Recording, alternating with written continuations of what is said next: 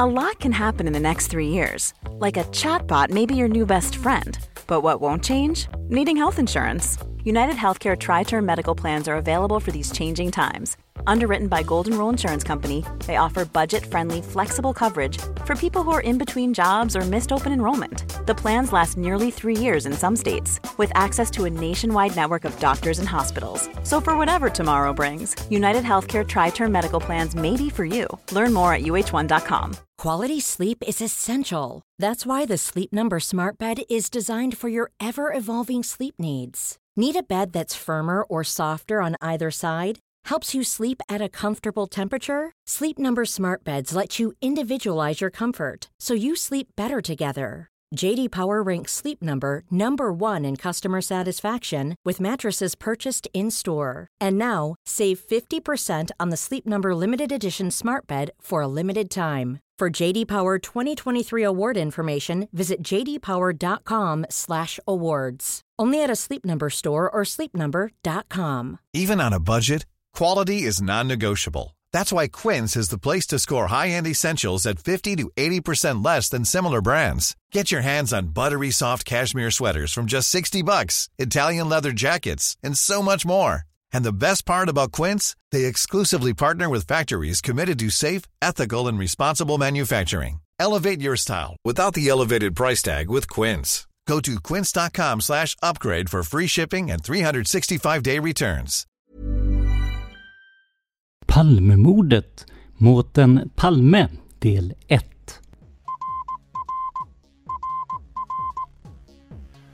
Sveriges statsminister Olof Palme är död. 90 000.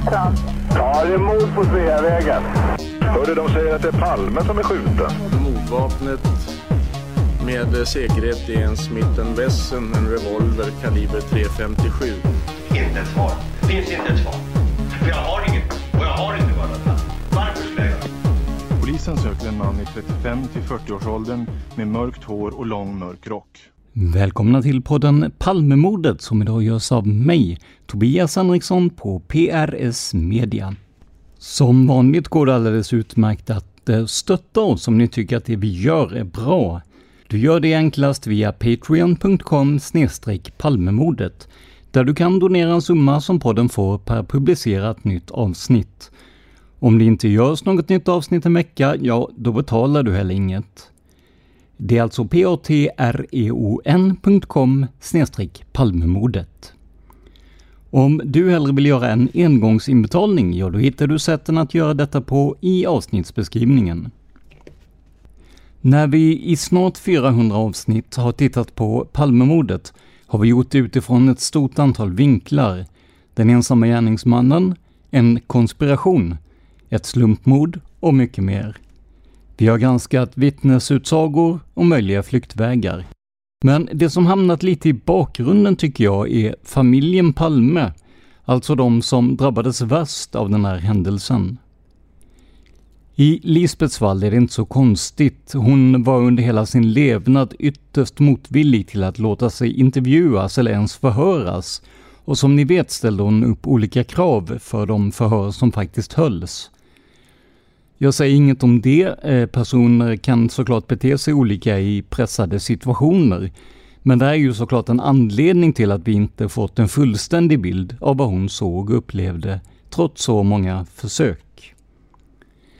En annan person som också flugit lite under radarn är Mårten Palme. Och det är kanske inte heller så konstigt, för han och hans flickvän Ingrid hade ju hunnit avvika från föräldrarna innan skotten föll.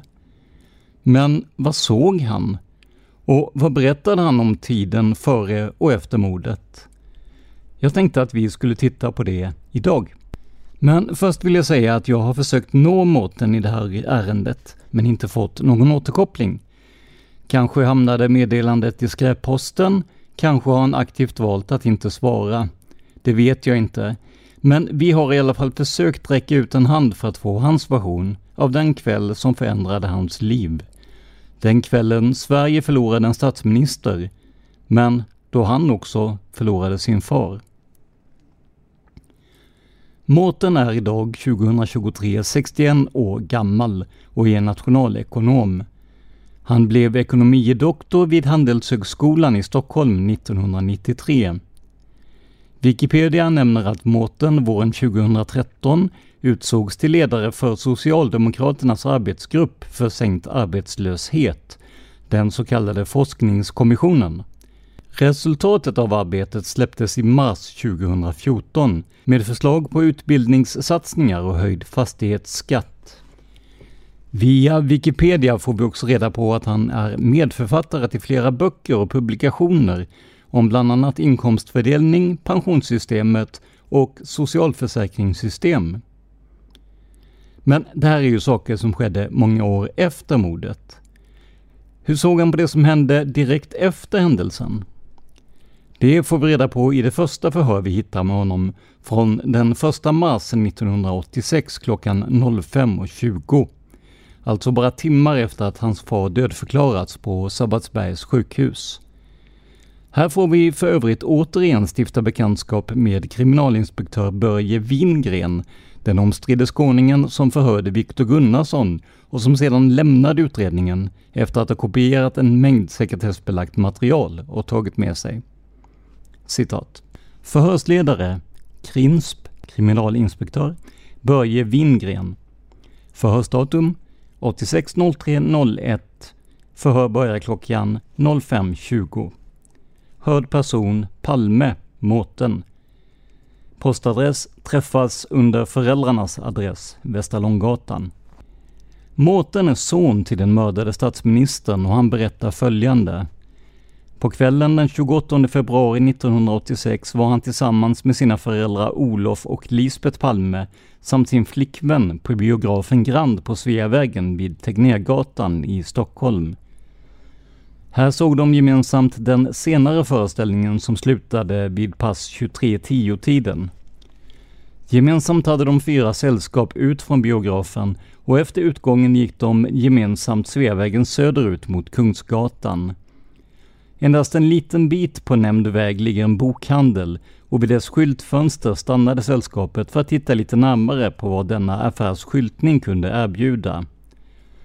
Efter endast en kort stund så släcktes fönsterbelysningen och i detta nu tar Mårten och hans flickvän adjö med herrskapet Palme. Mårten och flickvännen vänder och går Sveavägen norrut mot nämnd biograf, medan makarna Palme fortsätter Sveavägen mot Kungsgatan. På sin väg omedelbart norr om nämnd bokhandel lägger Mårten märke till en man som står och tittar i ett skyltfönster men i samma ögonblick som Mårten passerar så börjar denne man gå efter makarna Palme. Efter det Mårten blivit informerad om den tragedi som inträffat och han senare under kvällen kom ihåg just denna händelse, så tar han kontakt med kriminalpolisen. Han hämtas av undertecknad jämte annan kollega i föräldrarnas bostad och medföljer till kriminalens våldsrotels lokaler där han lämnar här nedtecknade uppgifter.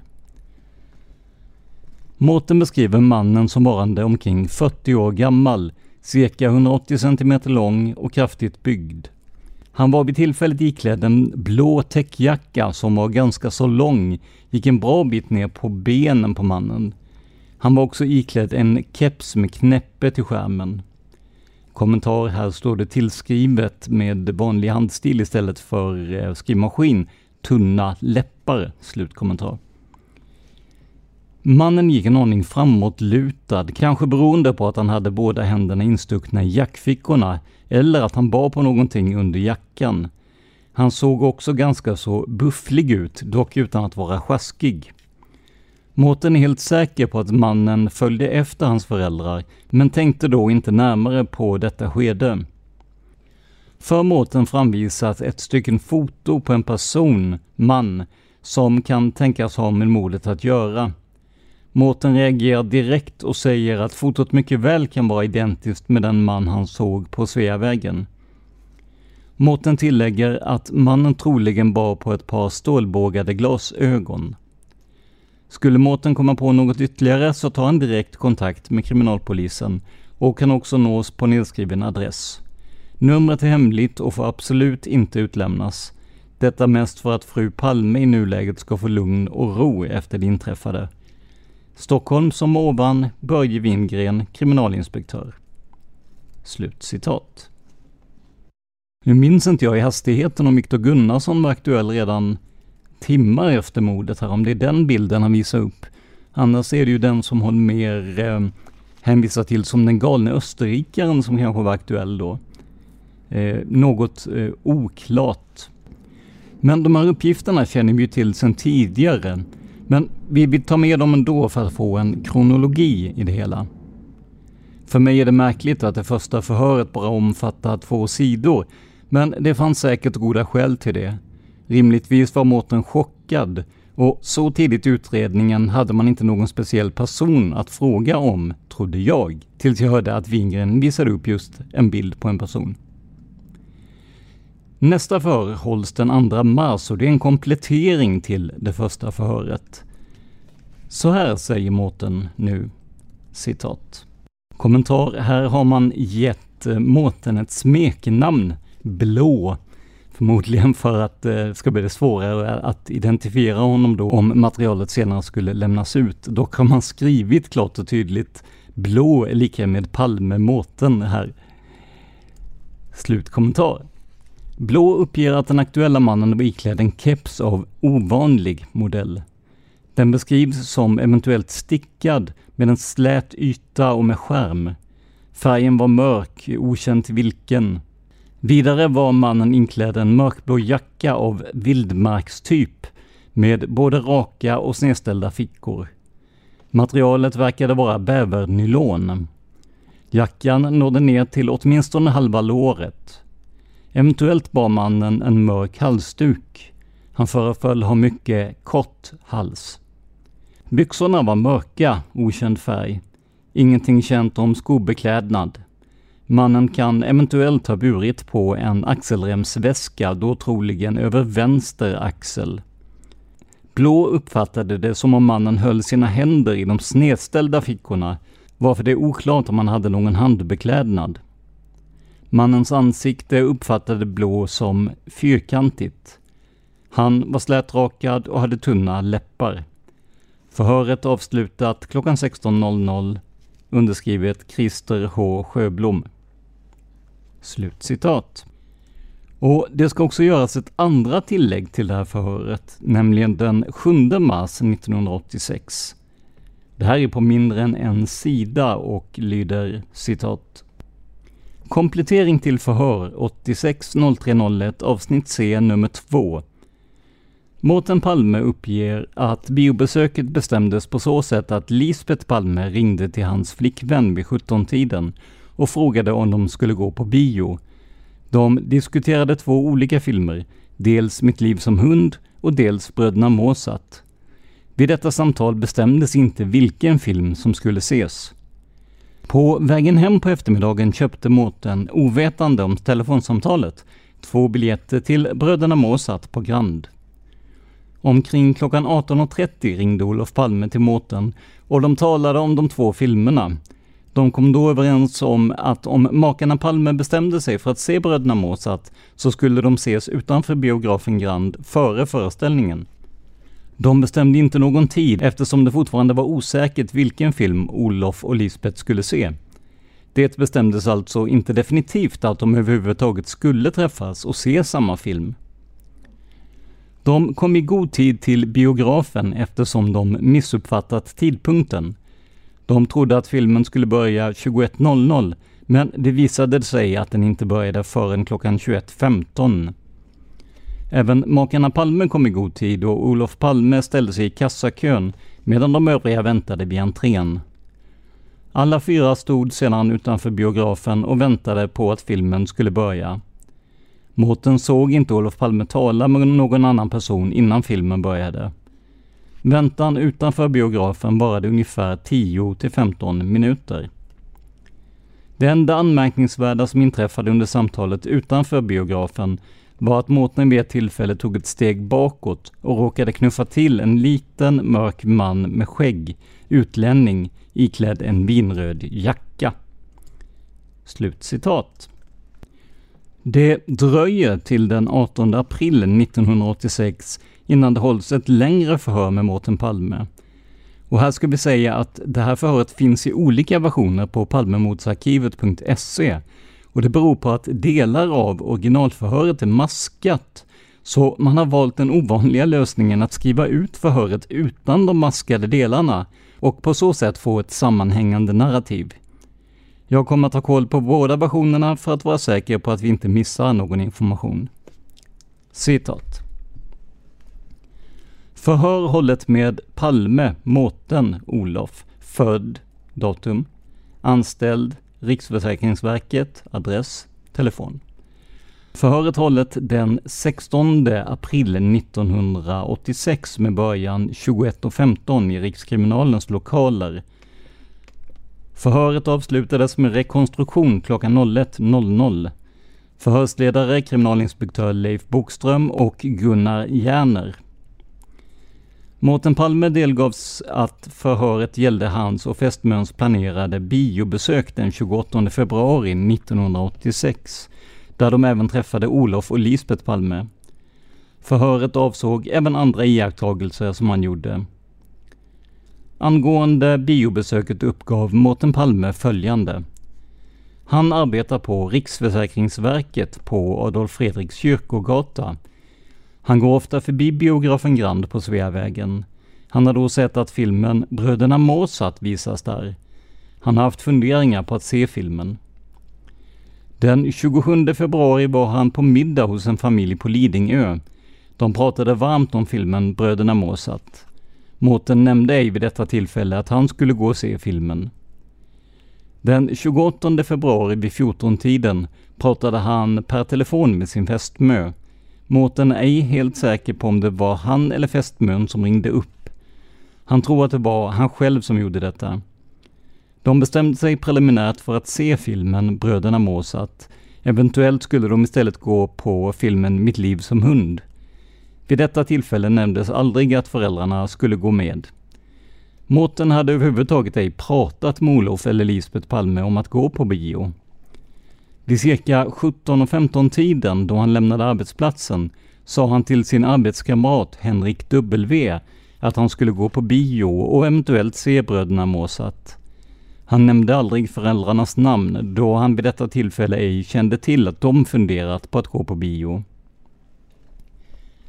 Mårten gick ut bakvägen på sin arbetsplats och kom därvid ut på Wallingatan. Han gick Holländargatan, Kammakaregatan till höger och ner på Sveavägen. Eventuellt genade han över kyrkogården.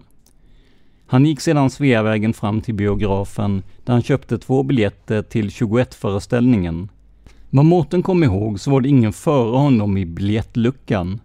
Några andra människor fanns i foajén vad han kan minnas. Mårten kan ej erinra sig huruvida någon förföljde honom från arbetsplatsen och eller ner till biografen. Han själv hade ingen känsla av att så var fallet. Mårten kom ihåg att han frågade vid biljettköpet om han fick lämna tillbaka biljetterna med tanke på att han och fästmön ej bestämt sig hundraprocentigt. Han fick då till svar att det skulle gå bra om han gjorde detta före klockan 20.45. Mårten hade inte för avsikt att köpa fler biljetter än dessa två. Han hade, som nämnts, ej pratat med mor eller far om biobesöket. Mårten uppger att han normalt ej igenkänns som son till Olof Palme. Mårten gick Sveavägen fram till Rådmansgatan där han tog T-banan, bytte vid T-centralen och åkte till Karlaplan. Eventuellt kan han ha gått från biografen Grand fram till Hötorget men troligen gick han till Rådmansgatan. Mårten hade ingen känsla av att någon förföljde honom till Karlaplan. Då han kom fram till Karlaplan gick han upp till fältöverstens centrum. Inne i centrum, mitt för Metro, mötte han en bekant vid namn Göran E, journalist på Expressen, vilken tidigare hade varit gift med Ann N, anställd på TV. De pratade om Alva Myrdals begravning och Metropolitundersökningen. De pratade cirka tio minuter men kom aldrig in och samtalade om något biobesök. Mårten inlägger därvid att han själv varit på Alva Myrdals begravning och suttit bakom fadern i kyrkan. Själv tror han, som nämnts, inte att många känner igen honom såsom Olof Palmes son. Vid 17.45-tiden gick han in på Metro och köpte filmjölk, gick sedan till bokhandeln och han tror klockan nu var strax före 18 då affären höll på att stänga. Mårten gick sedan till bostaden. Ingen följde efter honom. Klockan var då några minuter över 18. Här vill jag bara skjuta in en kommentar att när vi pratar om Metro här så är det alltså inte tidningen utan det är en snabbköpskedja som huvudsakligen bedrev verksamhet i Stockholmsområdet. 1992 övertogs de av ICA-koncernen där, men det fanns fortfarande ett par butiker som hette Metro ett tag där. Men så att det är alltså det vi avser med Metro och inte eh, nu mer bekanta tidningen då. Slutkommentar. Då han kom hem ringde han ganska omgående till sin fästmö, vilken talade om att Lisbeth Palme ringt vid 17-tiden. Hon hade frågat fästmön vad de skulle göra under kvällen. Mårten tror att fästmön nämnt något om att hon och Mårten skulle gå på Bröderna Mozart eller Mitt liv som hund. Fästmön hade uppgivit att det varit ett långt samtal, cirka 20 minuter. Mårten sade till fästmön att han köpt två biljetter till 21-föreställningen på Grand. De kom överens om att de skulle gå och se filmen och att de skulle träffas utanför biografen klockan 20.50. Efter samtalet bytte Mårten om för en joggingrunda på Djurgården. Under tiden ringde fadern, Olof Palme. Klockan var 18.30 till 18.40. Fadern sa att han var hemma i bostaden. Mårten hörde även mamma Lisbeth i bakgrunden. Olof och Mårten pratade rent allmänt om Metropolitundersökningen och eh, Mårtens uppsatsskrivning. Olof sa även att han och Lisbeth tänkt gå och se Mitt liv som hund. De hade tidigare pratat om det. Mårten uppgav att han och fästmön skulle gå och se filmen Bröderna Mozart. Olof sa då att han hade pratat med Lisbeth om den filmen också. Eftersom Lisbeth tydligen hörde att Olof och Mårten pratade om bröderna Mozart som fästmön och Mårten skulle se, hörde han Lisbeth kommentera detta i bakgrunden. Olof sa då vi får se om även vi går på Mozart och i så fall ses vi utanför biografen. Samtalet varade cirka 15 minuter och Olof slutade med att han ska gå och sätta sig att äta. Mårten fick intrycket av att de skulle se den andra filmen Mitt liv som hund. Mårten ringde upp fästmön och upplyste henne om att föräldrarna eventuellt skulle gå med på samma film. Därefter lämnade Mårten bostaden och sprang sin runda. Klockan är cirka 19.15. Han sprang Ladugårdsgärde, Djurgårdsbrunns värdshus, vände och sprang tillbaka till bostaden. Joggingrundan tar normalt cirka 30 minuter. Ingen person följde under hans joggingrunda efter honom eller liknande. Klockan var cirka 19.50 då han kom hem till bostaden. Efter en dusch åt han fil. Han såg på klockan på väggen att den var 20.38 och fick bråttom. Armbandsuret hade sackat efter något. Mårten ringde därför fästmön som inte svarade eftersom hon troligen redan gått ner till biografen. Mårten sprang sedan från bostaden till Karlaplan där han tog T-banan till Östermalmstorg. Han sprang sedan Birger Jarlsgatan, Stureplan, Kungsgatan, Sveavägen och fram till biografen Grand. Eventuellt sprang han Brunkebergstunneln fram till Sveavägen. Han kom fram till biografen 20.55, alltså fem minuter för sent. Då han kom fram till biografen Grand upptäckte han att 19-föreställningen nyss slutat, varför mycket folk strömmade ut från biografen. De första personer som Mårten träffade på var en bekant flicka och hennes pojkvän. Flickans namn är Anette K och ska bo någonstans på Döbelnsgatan. Hennes pojkvän känner Mårten endast som Thomas. Mårten pratade en kort stund med dem om filmen. Mårten uppger att de troligen sett mor och far vid biografen. Mårten uppger vidare att Lisbeth under samtalets gång kom fram mot dem, men väntade ett stycke bakom Mårten tills han hade pratat färdigt, varför han tror att Annette kan ha sett mamman. Lisbeth sa till Mårten att Olof stod i biljettkön. Under tiden gick Mårten fram till en annan studiekamrat, Birgitta M och hennes väninna. Båda hade varit och sett 19-föreställningen. Mårtens fästmö kom också fram och alla fyra ungdomarna pratade ett tag utanför biografsalongen på gatan. Under tiden som de stod ute på gatan och samtalade såg Mårten att Olof kom ut och gick och tittade på filmbilderna utanför på väggen. Lisbeth hade troligen gått in och handlat någon chokladkaka. Efter ett tag gick flickorna Birgitta och hennes väninna. Klockan var då cirka 21.07. Mårten och fästmön gick fram till Olof och Lisbeth.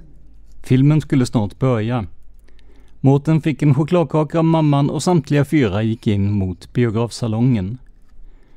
Mårten tror att under den korta stund som han pratade med mor och far tog han ett steg bakåt, varvid han knuffade till en man som han har en känsla av stod ensam och mycket nära honom. Enligt Mårtens bedömning hade mannen ett utländskt utseende. Han hade svart, halvlångt, krulligt hår. Mannen var klädd i en vinröd jacka, typ vildmarksjacka, med skinnkant på kapuschongen. Skinnet var ljust. Samtliga gick därefter raskt in på biografen och klockan var cirka 21.10. Mårten uppger att han och fästmön satt snett bakom föräldrarna. Tre, fyra rader skilde Mårten och fästmön från Olof och Lisbeth Palme. Vad Mårten kom ihåg är det en mindre gång framför bänkraden där Olof och Lisbeth Palme satt. Mårten såg föräldrarna ganska bra ifrån sin plats. Mårten uppger även att då de kom in på biografen var ljuset fortfarande tänt i salongen. På raden bakom Olof och Lisbeth Palme satt Björn Rosengren, som Lisbeth och Olof hälsade på. Mårten såg även en bekant till honom själv som heter John. Han vet ej Johns efternamn. Han har träffat honom på Fårö någon gång. Mårten ska senare ta reda på mannens namn. Here's a cool fact. A crocodile can't stick out its tongue. Another cool fact, you can get short-term health insurance for a month or just under a year in some states.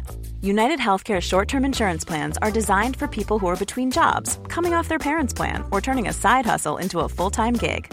Underwritten by Golden Rule Insurance Company, they offer flexible, budget friendly coverage with access to a nationwide network of doctors and hospitals. Get more cool facts about United Healthcare short term plans at uh1.com.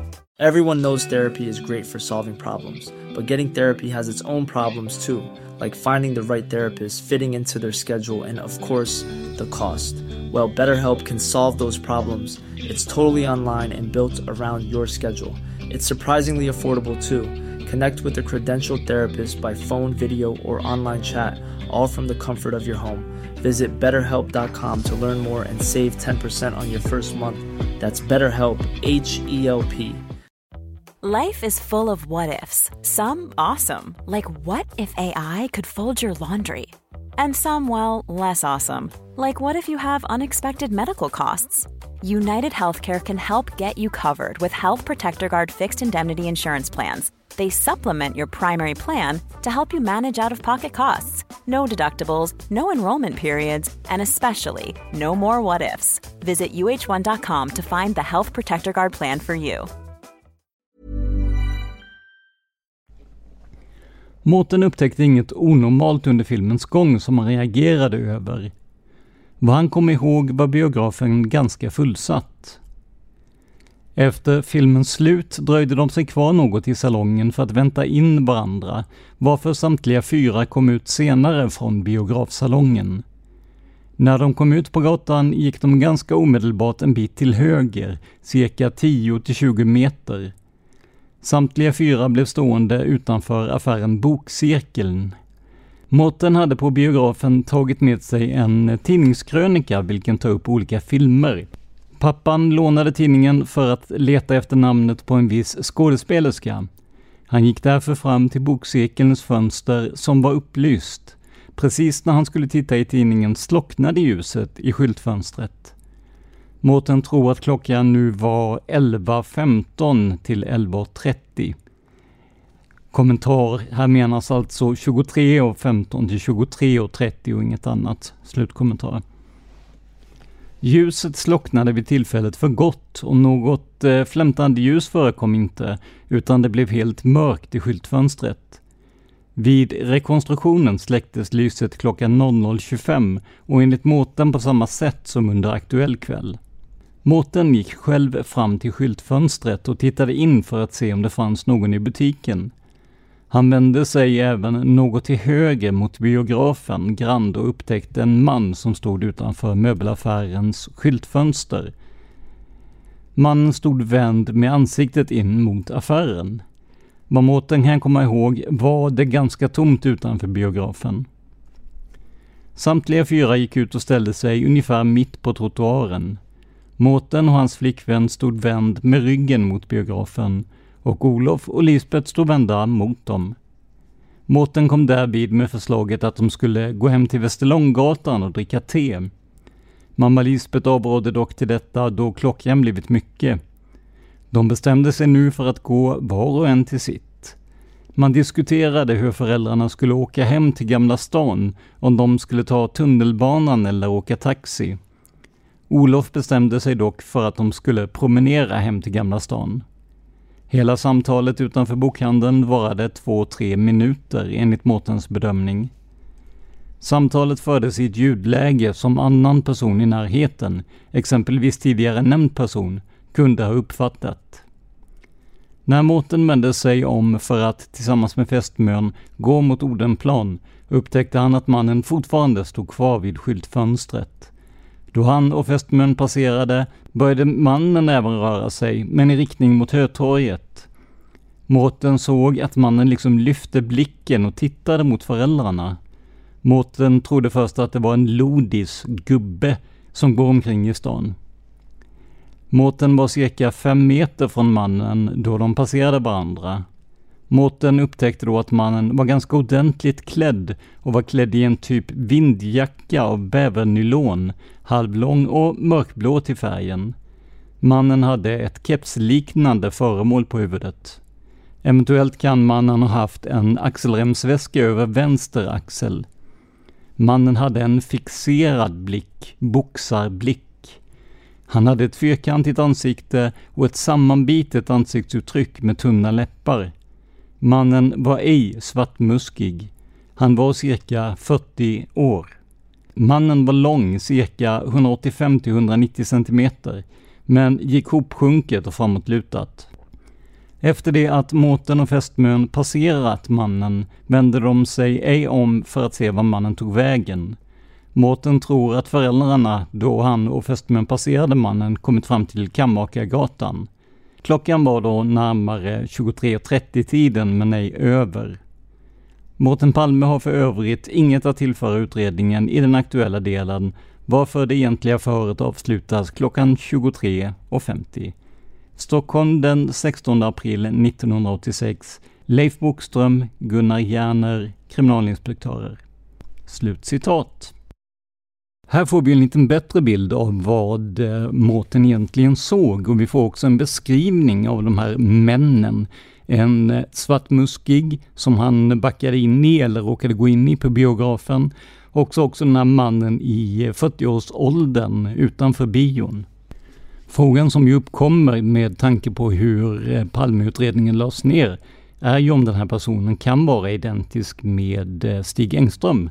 Det här är någonting som vi kommer att återkomma till. Nästa förhör med Mårten Palme hålls inte förrän 1988, närmare bestämt den 17 augusti. Och det här är ju faktiskt ett dialogförhör, till skillnad från de andra då som har varit sammanfattande förhör. Citat. Protokoll över förhör med Palme Mårten. Personuppgifter. Förhöret hållet i Palmegruppens lokaler Kungsholmsgatan 37 onsdagen den 17 augusti 1988 med början klockan 14.10. Förhörsledare kriminalinspektör Lars Hamren. Närvarande vid förhöret är också åklagare Jörgen Almblad. Förhöret hålles med anledning av att Mårten Palme vill lämna vissa uppgifter i samband med att en bild har publicerats i någon av kvällstidningarna. F är lika med förhörsledare M. Mårten Palme. F. Ja, Mårten, då får jag be dig berätta om de här uppgifterna du vill lämna till oss. Eh, du kan prata högt och tydligt så du går in på bandspelaren. M. Ja, eh, jo, jag såg den här bilden och eh, ja, bakgrunden är ju den jag såg ju en person som stod vid den här möbelaffären och som stod och tittade in i skyltfönstret och sen när vi skildes åt så gick jag gick ner mot eh, andra hållet på Sveavägen så tittade den här mannen upp och följde efter och jag lämnade ett vittnesmål redan första, bara några timmar efter och på natten då. Eh, sen gjorde jag en sån här fantombild och förhördes då. Och det var ju några grejer i alla fall som jag försökte komma ihåg.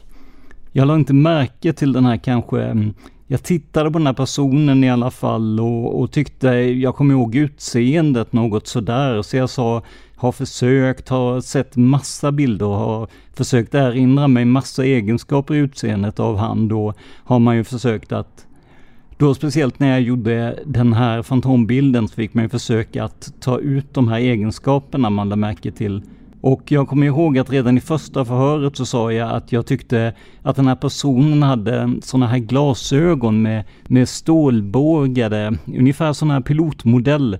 Och sen så kom jag på att han hade väldigt fyrkantig ansiktsform. Och, och sen ganska smala läppar. Och sen när jag gjorde den här fantombilden för att veta hur man ska ta ut ögon så tyckte jag att eh, erinra mig ett ögonlock var liksom en sån här nedhängande del. Och jag tyckte att eh, den här bilden då som jag såg, han hade alla de egenskaper som jag liksom kommer ihåg och F. Den här bilden, i vilken tidning var det du såg den? M. Aftonbladet. Hur länge sedan? Det är ju två och ett halvt år och man glömmer ju kanske rent den här inutiva känslan när man känner igen någon. Man liksom eh, men jag har tänkt så mycket på det här och, och förhört så mycket att man försöker då, minnet övergår liksom i de här egenskaperna som man kommer ihåg. Och jag tycker att eh, den här personen har då egenskaper som jag skulle komma ihåg. F. Hur länge sedan var det du såg den här bilden i tidningen? Hur länge sedan var det den var i tidningen? M. Ja, det var eh, en och en halv vecka sedan, ungefär. Sen så var den publicerad, eh, inte den utan någon eh, för munnen i DN tror jag det var. Kommentar. Här avses förmodligen då att man har satt en svart ruta för ansiktet eller munnen då. Slutkommentar. F. Var det något namn eh, under bilden också? M. Ja. F. Och namnet? M. Sarajaka eller något. F. Sakaya. Kommentar här står det tillskrivet eh, Sarikaya Erdogan med vanlig handstil. Uppenbarligen tillagt i efterhand. Slutkommentar. M. A, F. Du kommer inte direkt ihåg den här bilden så väldigt. Kommentar. Här kommer det in en person som kallar sig J, men det måste ju vara ett felslag här, för man, man har efter det här då eh, upprepat M på två rader, som att han pratar med sig själv. Men jag läser som det står här då. Slutkommentar. J. Han hade glasögon på sig på bilden, det kommer jag ihåg. M. Kommentar troligen förhörsledaren. Slutkommentar. Ja. M. Ja, det sa jag redan någon F. Ja, det har du gjort. Men sen har du ändrat att du tyckte bilden hade tunna läppar och det har du också sagt tidigare. M. Ja. F. Sen var det det här med ögonen som du eh, gjort fantombilden. M. Ja, just det. F. Och de ögonen hade du gjort lite hängande då, menar du på? Um, Ja, det här, det finns ju någon sorts sån här uh, under ögonbrynet, hänger ner och, och det tycker jag då jag kommer ihåg. Jag uh, tyckte mig erinra det då när jag gjorde bilden. Fantombilden kommer jag ihåg. Jag tog ut såna här uh, har du kommit på något? Ja, det är väl massor av gånger du har tänkt på det här fram och tillbaka förstås. M. Ja, just precis. F. Är det någonting ytterligare med tanke på klädsel och gång och så vidare på den här som följde efter? M. Ja, det var ju inte rörliga bilder. F. Nej, men jag tänkte liksom längre tillbaka. M. ja, jag tyckte det var jädra synd att vi inte fick... eh, det var påtalat om man skulle ta ut kläder och sånt där, för jag tyckte mig då att eh, man har väldigt goda begrepp om klädsel, hållning och sånt där. Han hade en sån här blå, mörkblå jacka med någon sorts nylon, slät, inte täckjacka. Det är i alla fall vad jag mindes då och sen tyckte jag att han hade någon sån här keps med någon sorts öronlappar. Och sen var han ganska, tyckte jag då i alla fall, stor. Hade något hopsjunken F. Stor? Hur menar du med stor? Är Jörgen stor? Kommentar. Det är jag som har dummat mig och jag tänker inte gå tillbaks och redigera det för det tar för lång tid. J är ju givetvis Jörgen Almblad. Jag trodde att det var ett skrivfel bara, men det är Jörgen Almblad som har varit inne och pratat när jag sa J tidigare. Eh, det är därför man också frågar här, är Jörgen stor? För att på något sätt då få en relation till den här personen som, eh, som Mårten minns. Slutkommentar. F. Är Jörgen stor? M. Ja. F. Ja, längdmässigt och sådär, för att eh, sagt förut, jag vet det, men M. Ja, just det. Jag, jag tyckte ju då att han var ganska stor, men jag har väldigt svårt att bedöma det. J. Men eh, du tyckte att du hade lite skäl att lägga märke till honom. Det var någonting med honom som gjorde att du hajade till, eh, om man säger. M. När jag gick förbi honom, ja. J. Ja. M. Ja, jag tyckte att det var, just det, jag tror att det var någon sorts eh, nyfiken... Jag tyckte att han liksom betedde sig lite konstigt. Att han stod där och sen tittade efter oss och tyckte att han var nyfiken. Vi är ju ofta så, att folk är nyfikna. Jo, det var något, jag, jag kommer inte... Det var något, jag... Jag vet inte riktigt varför jag lade märke till honom, men jag tittade på honom. F. För att återgå till den här bilden i tidningen när du såg de här, vad, vad tänkte du och kände du då när du såg den här bilden i tidningen, rent spontant? M ja, jag hajade nog till. Jag är inte riktigt um, på det här med, med kurder och sånt där. För jag tycker att den här personen jag såg var, uh, inte såg särskilt, uh, det var ingen sån här påfallande svartmuskig man. Men när jag fick se den där i tidningen så tyckte jag att uh, Alltså hajade jag till. J. Det var, um, fick upp den här, um, nej jag såg den på löpsedeln, det var på hela, det var då jag hajade till. J. Och då stod det samtidigt på löpsedeln någonting om att det här är Olof Palmes mördare eller? M. Ja. J. Kommer du ihåg om det var texten föreställde bilden? M. Nej, det var nog texten. Jag såg det på väldigt långt håll, kommer jag ihåg. Då gick jag närmare. F. Sen tittade du på bilden givetvis. M. Ja, och då tyckte jag att... Eh, jag blev förskräckt. F. Men den bilden såg väl ut som... Såg väl rätt kurdisk ut om man säger så. M. Ja. F. Svartmuskig. M.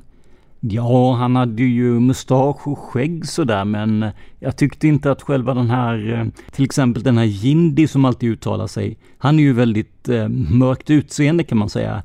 Jag tycker inte den här eh, var så mörk sådär. F.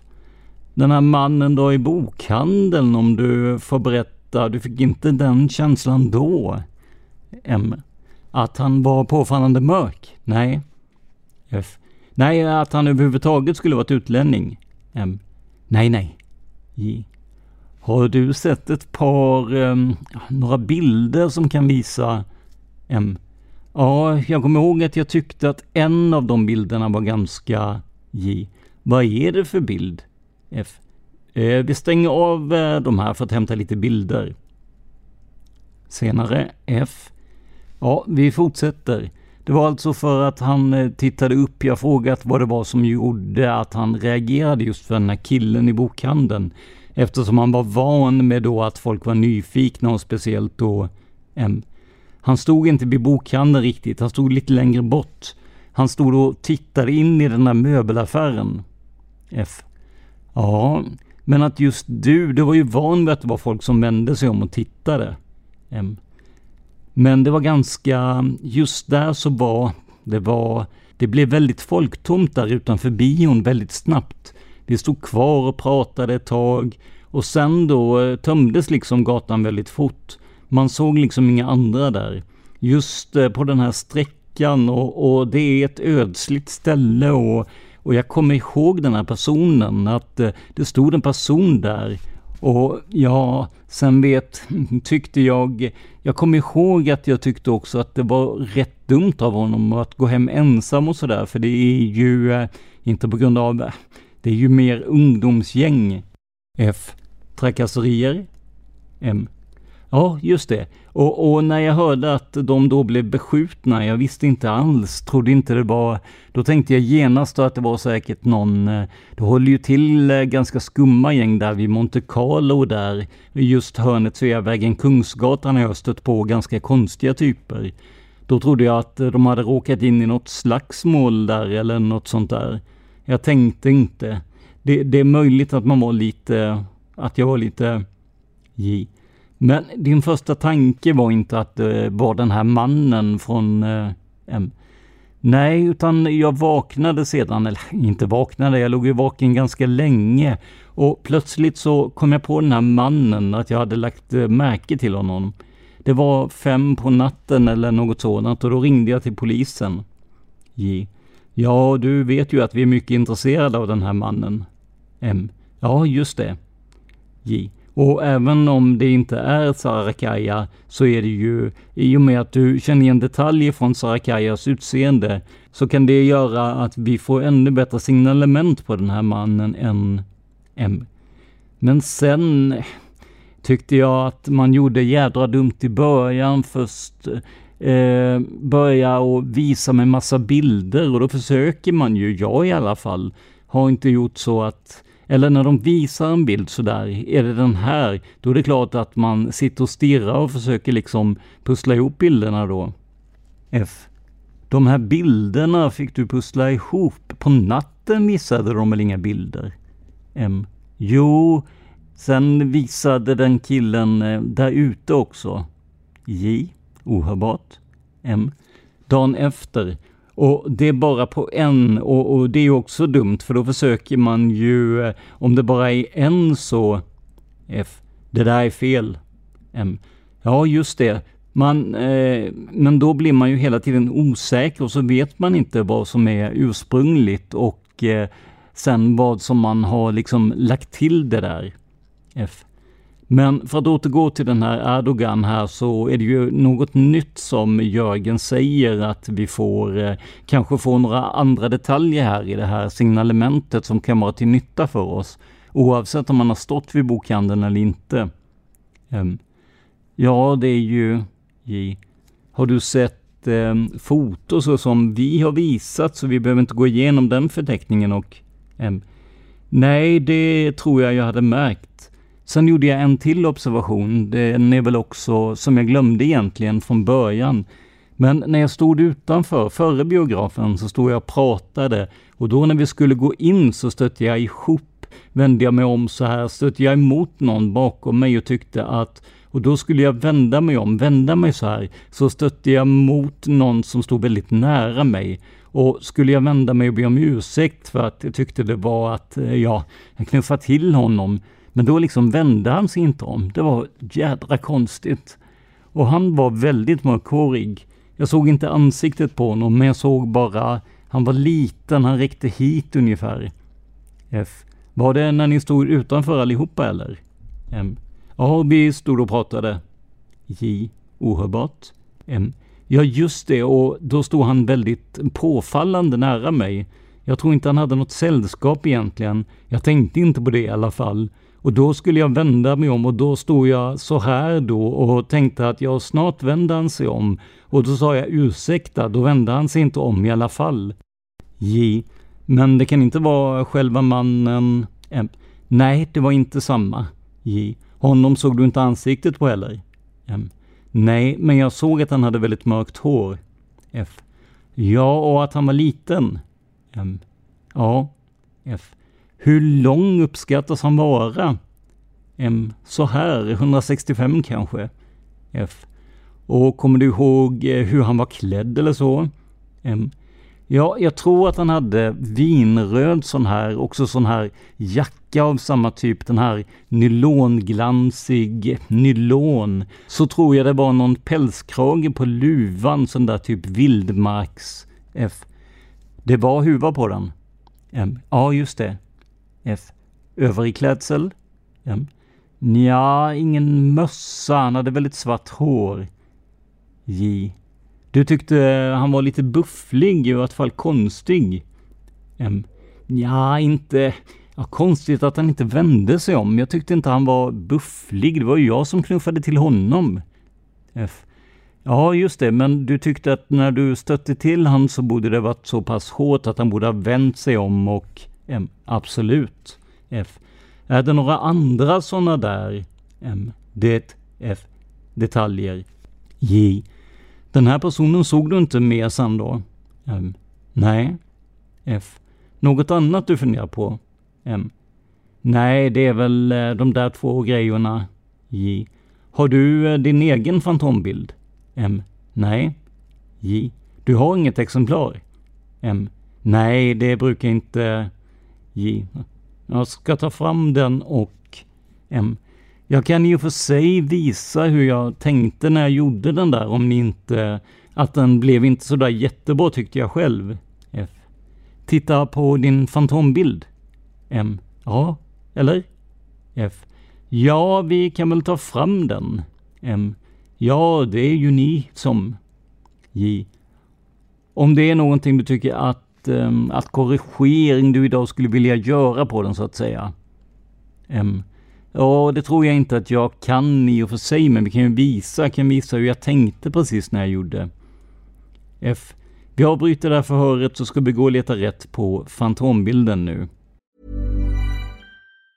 Even on a budget, quality is non-negotiable. That's why Quince is the place to score high-end essentials at 50 to 80% less than similar brands. Get your hands on buttery soft cashmere sweaters from just 60 bucks, Italian leather jackets, and so much more. And the best part about Quince, they exclusively partner with factories committed to safe, ethical, and responsible manufacturing. Elevate your style without the elevated price tag with Quince. Go to quince.com slash upgrade for free shipping and 365-day returns. Hi, I'm Daniel, founder of Pretty Litter. Cats and cat owners deserve better than any old-fashioned litter. That's why I teamed up with scientists and veterinarians to create Pretty Litter. Its innovative crystal formula has superior odor control and weighs up to 80% less than clay litter. Pretty Litter even monitors health by changing colors to help detect early signs of potential illness. It's the world's smartest kitty litter. Go to prettylitter.com and use code ACAST for 20% off your first order and a free cat toy. Terms and conditions apply. See site for details. Hey, it's Paige DeSorbo from Giggly Squad. High quality fashion without the price tag? Say hello to Quince. I'm snagging high end essentials like cozy cashmere sweaters, sleek leather jackets, fine jewelry, and so much more. With Quince being 50 to 80% less than similar brands. And they partner with factories that prioritize safe, ethical, and responsible manufacturing. I love that. Luxury quality within reach. Go to quince.com slash style to get free shipping and 365 day returns on your next order. Quince.com slash style. Senare F. Då återgår vi till förhöret och Mårten har nu tittat på den fantombild han gjorde här i tidernas begynnelse. Jag tycker att eh, det är en detalj som jag tycker att åldern jag sa ungefär, jag, jag tycker att det var 40, 40 år ungefär sa jag då. Ja, och jag tycker att den här Sarakaia ser ut, kan vara 28 år, men såg äldre ut tyckte jag på den här bilden, 30 som eh, Sen här, de här poliserna som gjorde det här, den här mössan den tillhör. Vi skulle få fram en mössa. Det var en del som jag tyckte är väldigt kufiskt. Den här fantombilden att trots att vad jag förstår alla vittnen har sagt att den personen eh, huvudbonad på något sätt så var de andra fantombilderna var han ju barhuvad. Där hade de inga mössor eller något sånt där. Eh, det skulle de fixa och tog en, eh, satt och väntade en timme ungefär. Sen så kom det en bild på en poliskonstapel. Ett stort jävla skägg som, eh, det, det gick inte att spegla bort det där skägget och, och det ser man här, det är ju kvar skägget. Det förstörde ju bilden och jag tyckte egentligen att jag hade lyckats bättre, ja precis i slutet. J. Var de otåliga? M. Ja, vi korrigerade aldrig det där. F. Ja, det syns ju väldigt tydligt här. J. Men, men det där med ögonen exempel, det tycker du är eh, så här, det minns du idag också? F. Dålig muskulatur? M. Ja, just det. F. Och läpparna då, de är smala och tunna? M. Ja. Sen tyckte jag också, var ganska smal näsa sådär kommer jag ihåg, när jag gjorde den där fantombilden. J. När du då går på stan så att säga, tittar du på folk då? Känner igen den här personen? M. Ja, lite grann kanske. J. Studera folks utseende? M. Ja. F. Annars är du rätt nöjd med den här bilden fortfarande? M. Ja, bortsett från det där tycker jag att det blev lite för... Så blev det ju...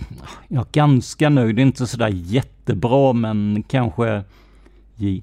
Annars får man intrycket av att personen är så att säga ovårdad, skägget på något sätt. M.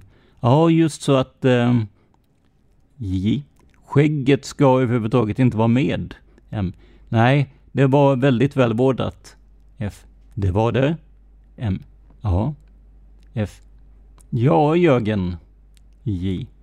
Nej, det är väl bara... M. Hållningen var väl lite något, lite upp så här. J. Var lite kutryggig på något sätt. M. Jag är i alla fall inte påfallande rak, inte... Mm, F. Du har sagt mm, eh, 180 centimeter har du sagt. M. Ja, det är utifrån egen... Eh, jag tyckte han var så... Men jag har inte... Jag såg ju inte honom på ganska långt. Det var ju i alla fall 10 meter. Då kan man ju inte riktigt bedöma. Men jag tyckte han var inte påfallande liten. F. Ja, är det någonting mer? M. Nej. J. Ja, du vet ju att det är bara att ringa då. F. Då avslutas förhöret klockan 14.45. Stockholm som ovan. Lars Hamrén, kriminalinspektör. Slutcitat. I det här förhöret ser vi att signalementsbilden inte blev så bra som Mårten hade önskat, vilket såklart kan ha kommit att påverka utredningen längre fram.